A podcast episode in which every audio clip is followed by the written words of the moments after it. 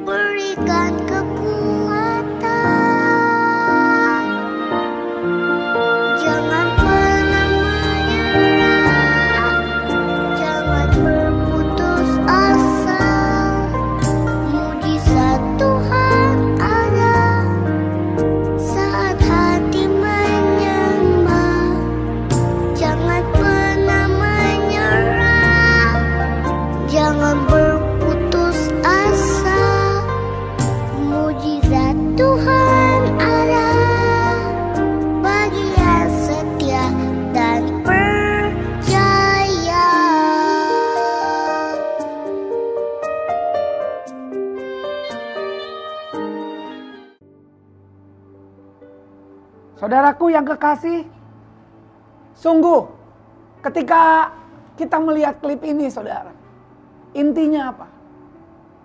Jangan mudah putus asa. Jangan kita menyerah. Percayalah, mujizat Tuhan masih ada dan dia bersama dengan kita. Karena sekali-kali dia tidak pernah meninggalkan dan membiarkan kita. Dengan yakin kita berkata bahwa Tuhan penolong kita. Dan hari ini saya ingin menyampaikan firman Tuhan. Mari kita buka di kitab Wahyu 3 ayat 7. Gereja di Philadelphia.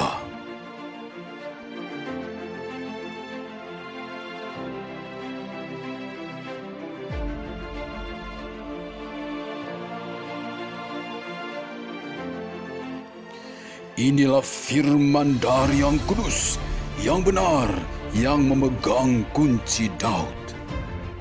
Apabila ia membuka, tidak ada yang dapat menutup. Apabila ia menutup, tidak ada yang dapat membuka. Aku tahu segala pekerjaanmu.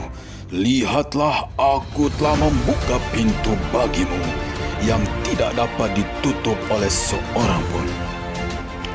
Aku tahu kekuatanmu tidak seberapa, namun engkau menuruti firmanku dan engkau tidak menyangkal namaku. Karena engkau menuruti firmanku untuk tekun menantikan aku, maka aku pun akan melindungi engkau dari hari pencobaan yang akan datang atas seluruh dunia untuk mencobai mereka yang diam di bumi. Sungguh indah sekali saudaraku. Kita belajar jemaat Philadelphia. Ada tiga hal yang saya mau sampaikan. Bagaimana kondisi jemaat Philadelphia yang sesungguhnya.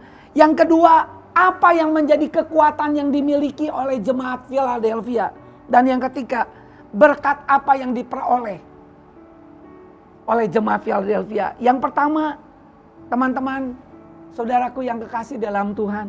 Kondisi jemaat Philadelphia Tadi firman Tuhan bilang, aku tahu pekerjaanmu dan aku tahu bahwa kekuatanmu tidak seberapa. A little strength. Jadi kekuatannya sangat kecil. Kalau bicara kekuatan berarti itu bicara tentang organisasi. Berarti itu bicara tentang kumpulan jemaat. Jemaatnya tidak banyak dibandingkan enam jemaat yang lain. Jemaat Philadelphia adalah jemaat yang paling kecil. Secara finansial pun mereka kecil. Dan saudaraku yang kekasih, bahkan jemaat Philadelphia adalah jemaat yang sering mengalami yang namanya gempa bumi. Berarti dengan kata lain, gempa bumi terus menerus melanda kota Philadelphia. Dan ketika itu beberapa orang banyak yang ketakutan sehingga meninggalkan kota Philadelphia. Berarti secara kondisi mereka tidak memiliki kekuatan apa-apa yang dibanggakan menurut dunia. Belum lagi kondisi yang dari luar. Mereka mendapat tantangan dari luar. Yaitu ada jemaah iblis. Jemaat setan. Apa yang dimaksud jemaat setan adalah orang Yahudi yang kerjaannya selalu memberikan tuduhan palsu. Dia adalah secara agamawi, dia adalah seorang yang mengaku orang Yahudi, orang yang taat beragama, tetapi mereka bukan orang Yahudi dan orang Israel sejati. Saudaraku yang kekasih, yang kerjaannya golongan Yahudi ini selalu sengaja menentang Kristus dan ajarannya. Dan ujung-ujungnya adalah mengacaukan jemaat saudaraku yang kekasih. Tetapi baik tantangan itu yang terjadi tidak membuat jemaat Philadelphia give up, mundur dan takut. Bahkan dia percaya bahwa Allah turut bekerja untuk mendatangkan kebaikan. Karena itu saudaraku yang kekasih, akhirnya dia mengalami berkat yang luar biasa. Sesungguhnya aku akan menyuruh mereka, semua yang menentang engkau akan datang tersungkur dan berkata, aku tahu bahwa jemaat Philadelphia dikasihi oleh Tuhan. Dan akhirnya mereka tersungkur dan mengakui. Dan akhirnya mereka bergabung dan diselamatkan. Saya percaya saudaraku yang kekasih di dalam Tuhan. Apa pun tantangan saudara, belajarlah dari jemaat Philadelphia Tantangan boleh datang. Tapi percayalah buat Tuhan menyertai kita. Saya nggak tahu jemaat Tuhan yang sedang terjadi hari-hari ini. Akibat dari COVID-19 tidak main-main saudara. Tapi saya percaya. Pencobaan yang kita alami adalah pencobaan biasa yang tidak melampaui kekuatan manusia. Pada waktu engkau dicobai, dia selalu memberikan jalan apa? Keluar. Sehingga kita dapat menanggungnya saudara. Luar biasa. Apa yang menjadi kekuatan yang dimiliki jemaat Philadelphia? Saya akan bacakan di Wahyu 3 ayat 8. Aku tahu segala pekerjaanmu. Lihatlah aku telah membuka pintu bagimu yang tidak dapat ditutup oleh seorang pun. Aku tahu bahwa kekuatanmu tidak seberapa. Namun engkau menuruti firmanku. Dan engkau tidak menyangkal namaku. Yang pertama saudaraku.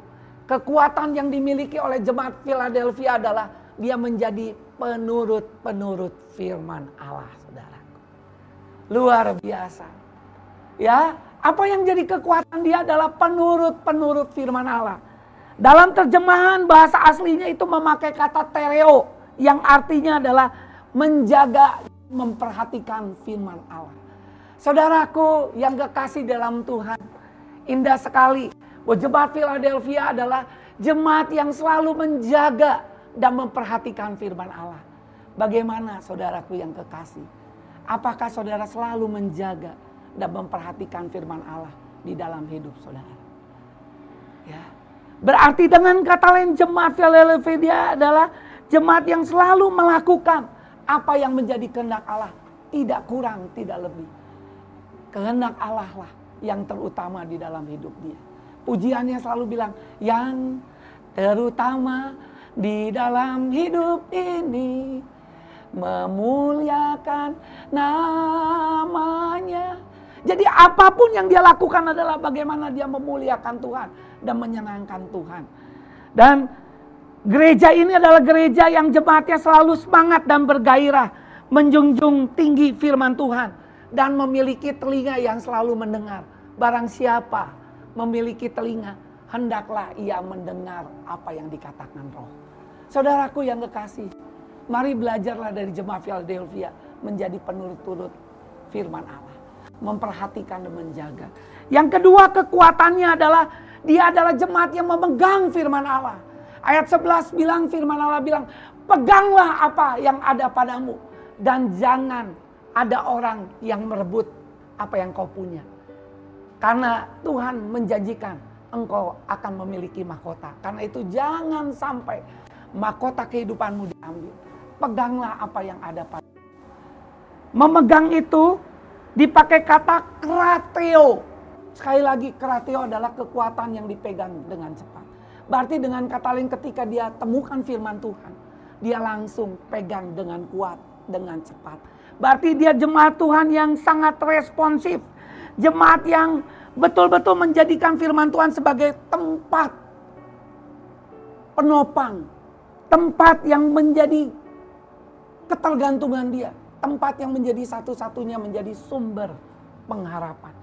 Saudaraku yang kekasih, itulah yang namanya artinya memegang firman Allah. Itulah dia menjadikan firman Allah tempat satu-satunya dia berharap dan bergantung. Dan firman Allah menjadi landasan dia dalam mengambil segala keputusan. Saudaraku yang kekasih, saya percaya banyak yang mengalami pekerjaan yang harus dirumahkan. Bahkan ada yang di PHK. Ada yang usahanya tidak jalan. Tapi saya percaya ada firman yang berbicara. Peganglah apa yang Tuhan mau dalam hidup saudara. Saya dengar ada satu jemaat yang kami layani punya kesaksian. Dia punya penyakit yang harusnya dia nggak bisa pergi ke kantor dan dia harus tinggal di dalam rumah. Barusan saudara dengar kesaksiannya sebelum ibadah ini. Tapi dia punya keahlian sebagai programmer. Dan akhirnya dia tidak kalah dengan ini. Dan dia, tidak menyalahkan. Kenapa kok saya harus darah tinggi? Setahu saya saya nggak punya penyakit itu dan sebagainya. Tapi dia fokus. Dan luar biasa dan dia akhirnya dia menemukan sebuah program. Dan lewat program itu perusahaan di mana dia kerja, bank yang dia kerja itu mendapat keuntungan kurang lebih per bulannya 800 juta luar biasa. Dan yang ajaibnya apa?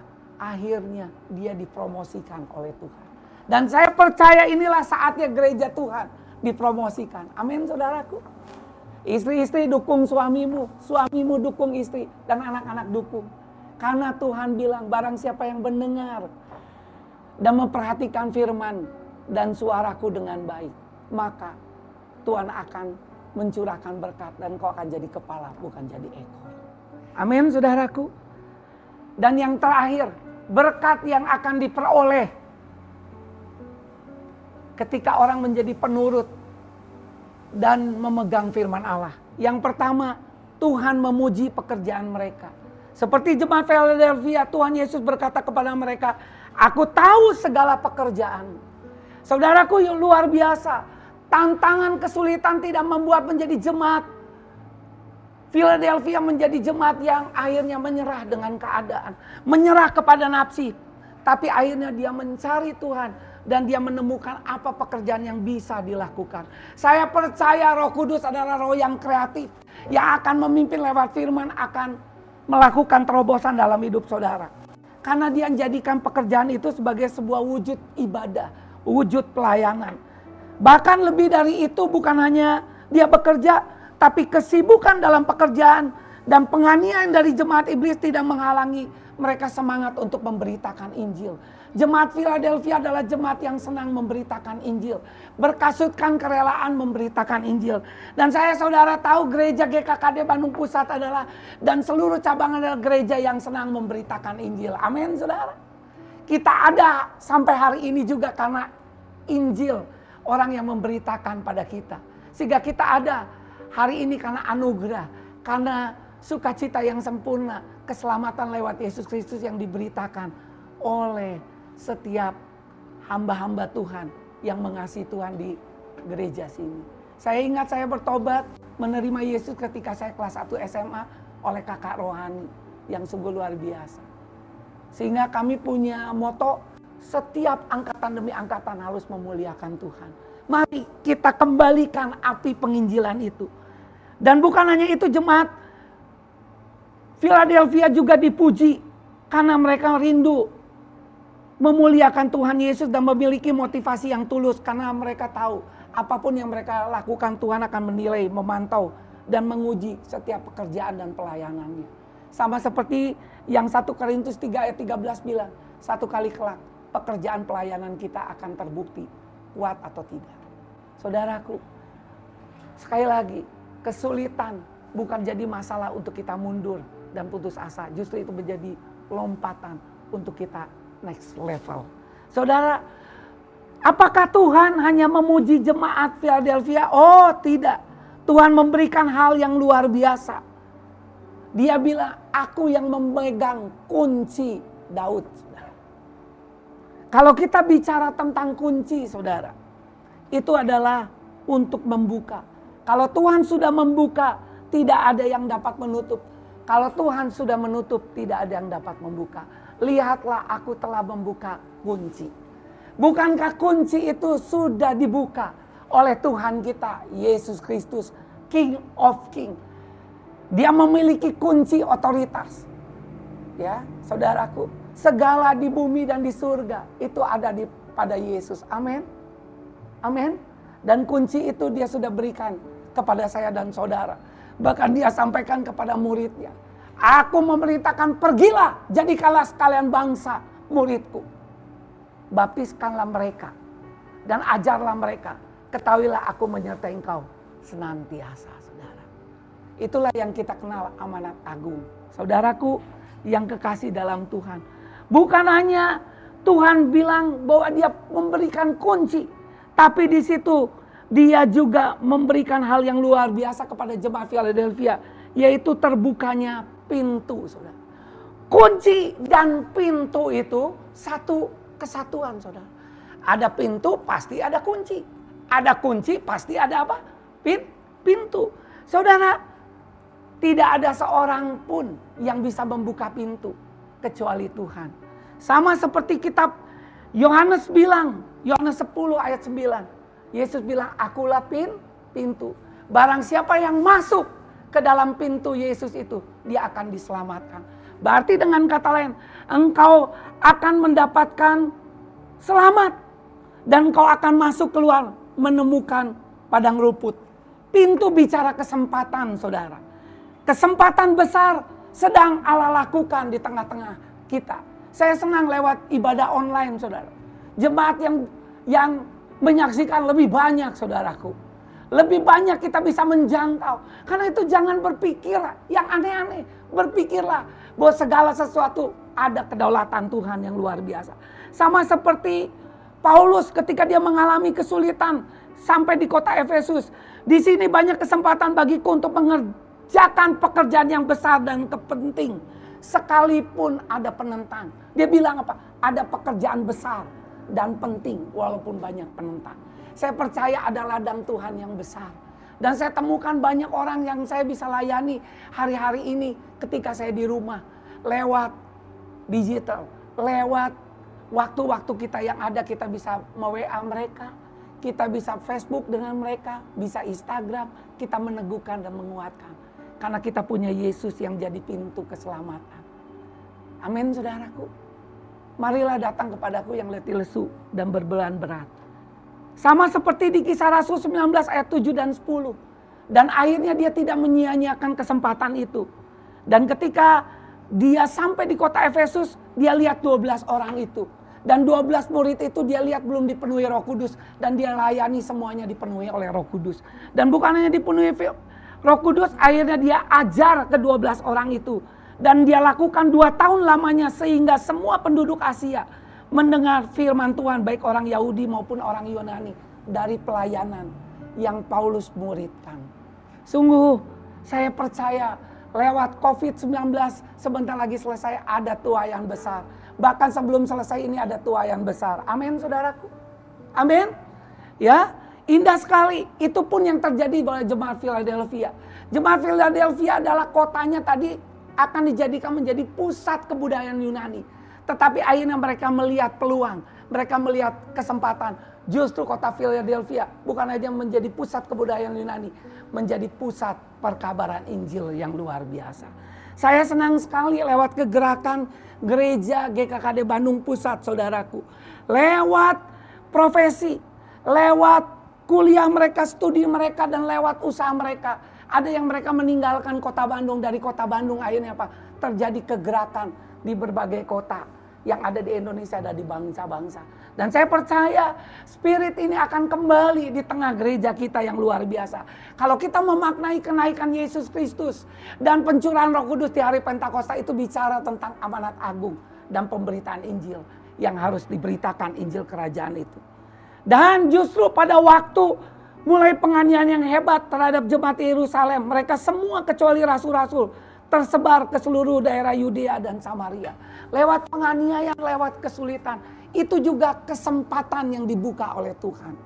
Saudaraku, akhirnya bukan hanya rasul-rasul yang terkenal. Akhirnya murid Tuhan yang biasa Filipus pun dipakai oleh Tuhan dengan tanda yang ajaib dan akhirnya membawa banyak orang datang kepada Tuhan. Dan poin-poin terakhir saya mau sampaikan saudara. Seperti kejadian jemaat Tuhan di China ketika masa komunisme dari Mao Zedong, revolusi kebudayaan yang terjadi orang Kristen hanya berjumlah 3 juta orang, saudara. Misionari semua yang ada diusir, saudara. Hamba Tuhan yang hasil dari orang-orang Tiongkok itu dikirim ke camp kerja paksa. Tapi ketika Mao Zedong meninggal dunia, gereja Tuhan bertumbuh datanya 30 juta, 50 juta, dan 70 juta. Kalau kita anggap yang paling kecil aja datanya 30 juta. Berarti gereja Tuhan bertumbuh 10 kali lipat. Sekali lagi, kesulitan kesempatan tidak menghalangi kita. Tahun 97 banyak orang-orang Hong Kong takut karena Hong Kong akan diserahkan pada China. Tapi beberapa jemaat Tuhan, hamba-hamba Tuhan tidak meninggalkan Hong Kong karena dia lihat ini peluang untuk kita menjangkau daratan Tiongkok. Saudaraku, Pintu kesempatan terbuka ketika gereja mengalami ujian dan kesulitan. Saudaraku, pintu kesempatan juga bisa lahir lewat komunitas demi, demi komunitas yang luar biasa. Puji Tuhan saudaraku yang kekasih dalam Tuhan.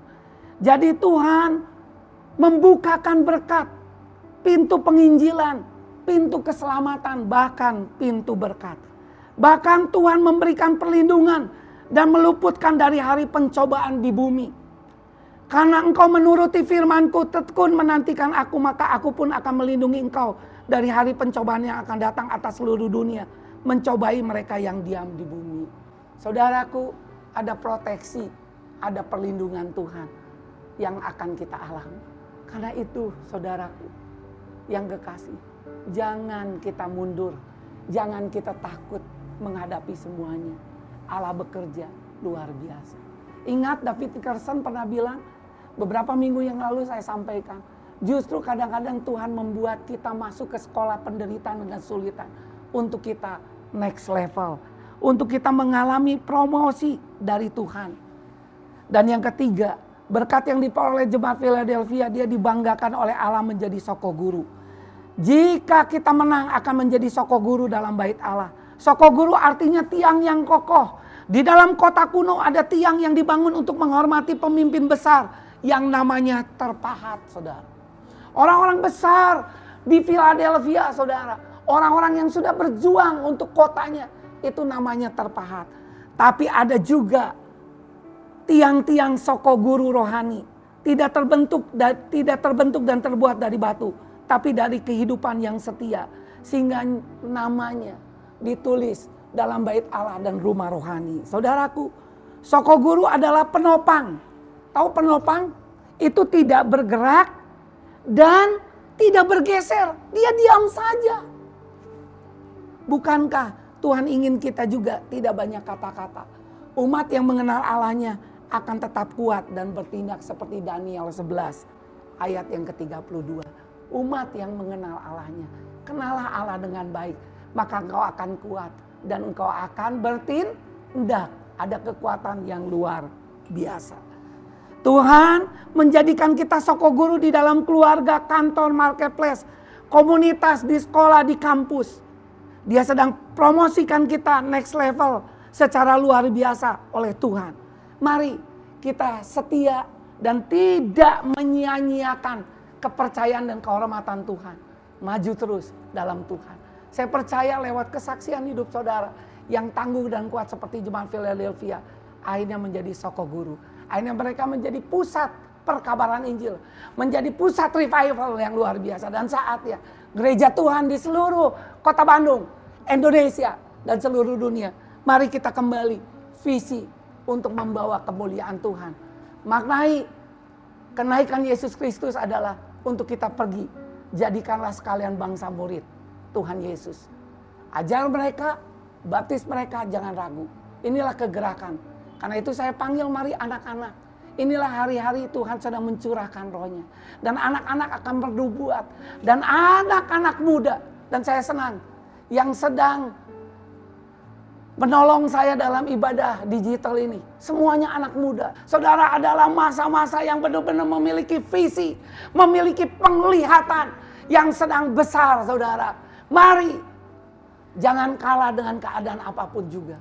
Karena engkau memiliki roh yang spirit of excellence yang luar biasa, yang dahsyat. Bapak-bapak, jangan sedih lihat anakmu. Lihatlah mimpimu. Mari bermimpi. Sama seperti dua minggu yang lalu ketika saya nyampaikan firman Tuhan. Mari bapak-bapak kita bermimpi untuk anak-anak kita. Luar biasa. Saudaraku yang kekasih, saya rindu sekali semua umat Tuhan masuk dalam kegerakan terobosan saya tidak peduli kekuatanmu bagaimana, tapi pedulikan ketika engkau jadi penurut firman Allah, menjadi yang memegang firman Tuhan dan memperhati dan menjagai dalam hidupnya. Saudara akan jadi pemenang yang luar biasa. Dan saya tutup dengan satu kalimat yang terakhir, yang indah saudaraku. Semuanya bisa bergoncang. Ya saya bilang semuanya bisa beranjak. Tapi kasih setia Tuhan dan janji Tuhan dan firman Tuhan tidak akan beranjak. Itu akan kekal dan kuat dan akan bekerja. Dan firman Tuhan yang diberitakan tidak akan kembali dengan sia-sia. Tuhan memberkati saudara. Amin. Mari kita tundukkan kepala dan berdoa. Saudaraku indah sekali hari ini. Saya dikuatkan. Saya dibangun lewat firman Tuhan ini bagi Tuhan, kalau kita tidak memiliki kekuatan finansial, mungkin gereja kita gereja yang sederhana, tapi bagi Tuhan itu bukan menjadi sebuah halangan. Yang paling penting yang dia mau adalah kita memiliki keintiman dengan Tuhan. Kita menjadi penurut-penurut firman Allah yang tidak menyangkal nama Tuhan.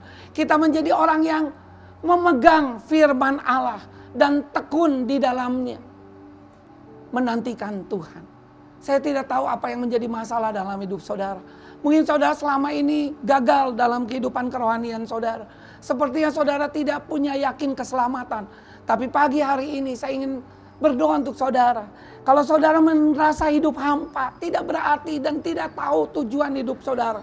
Kalau saudara meninggal hari ini, saudara tidak tahu, tidak punya kepastian ke mana pun.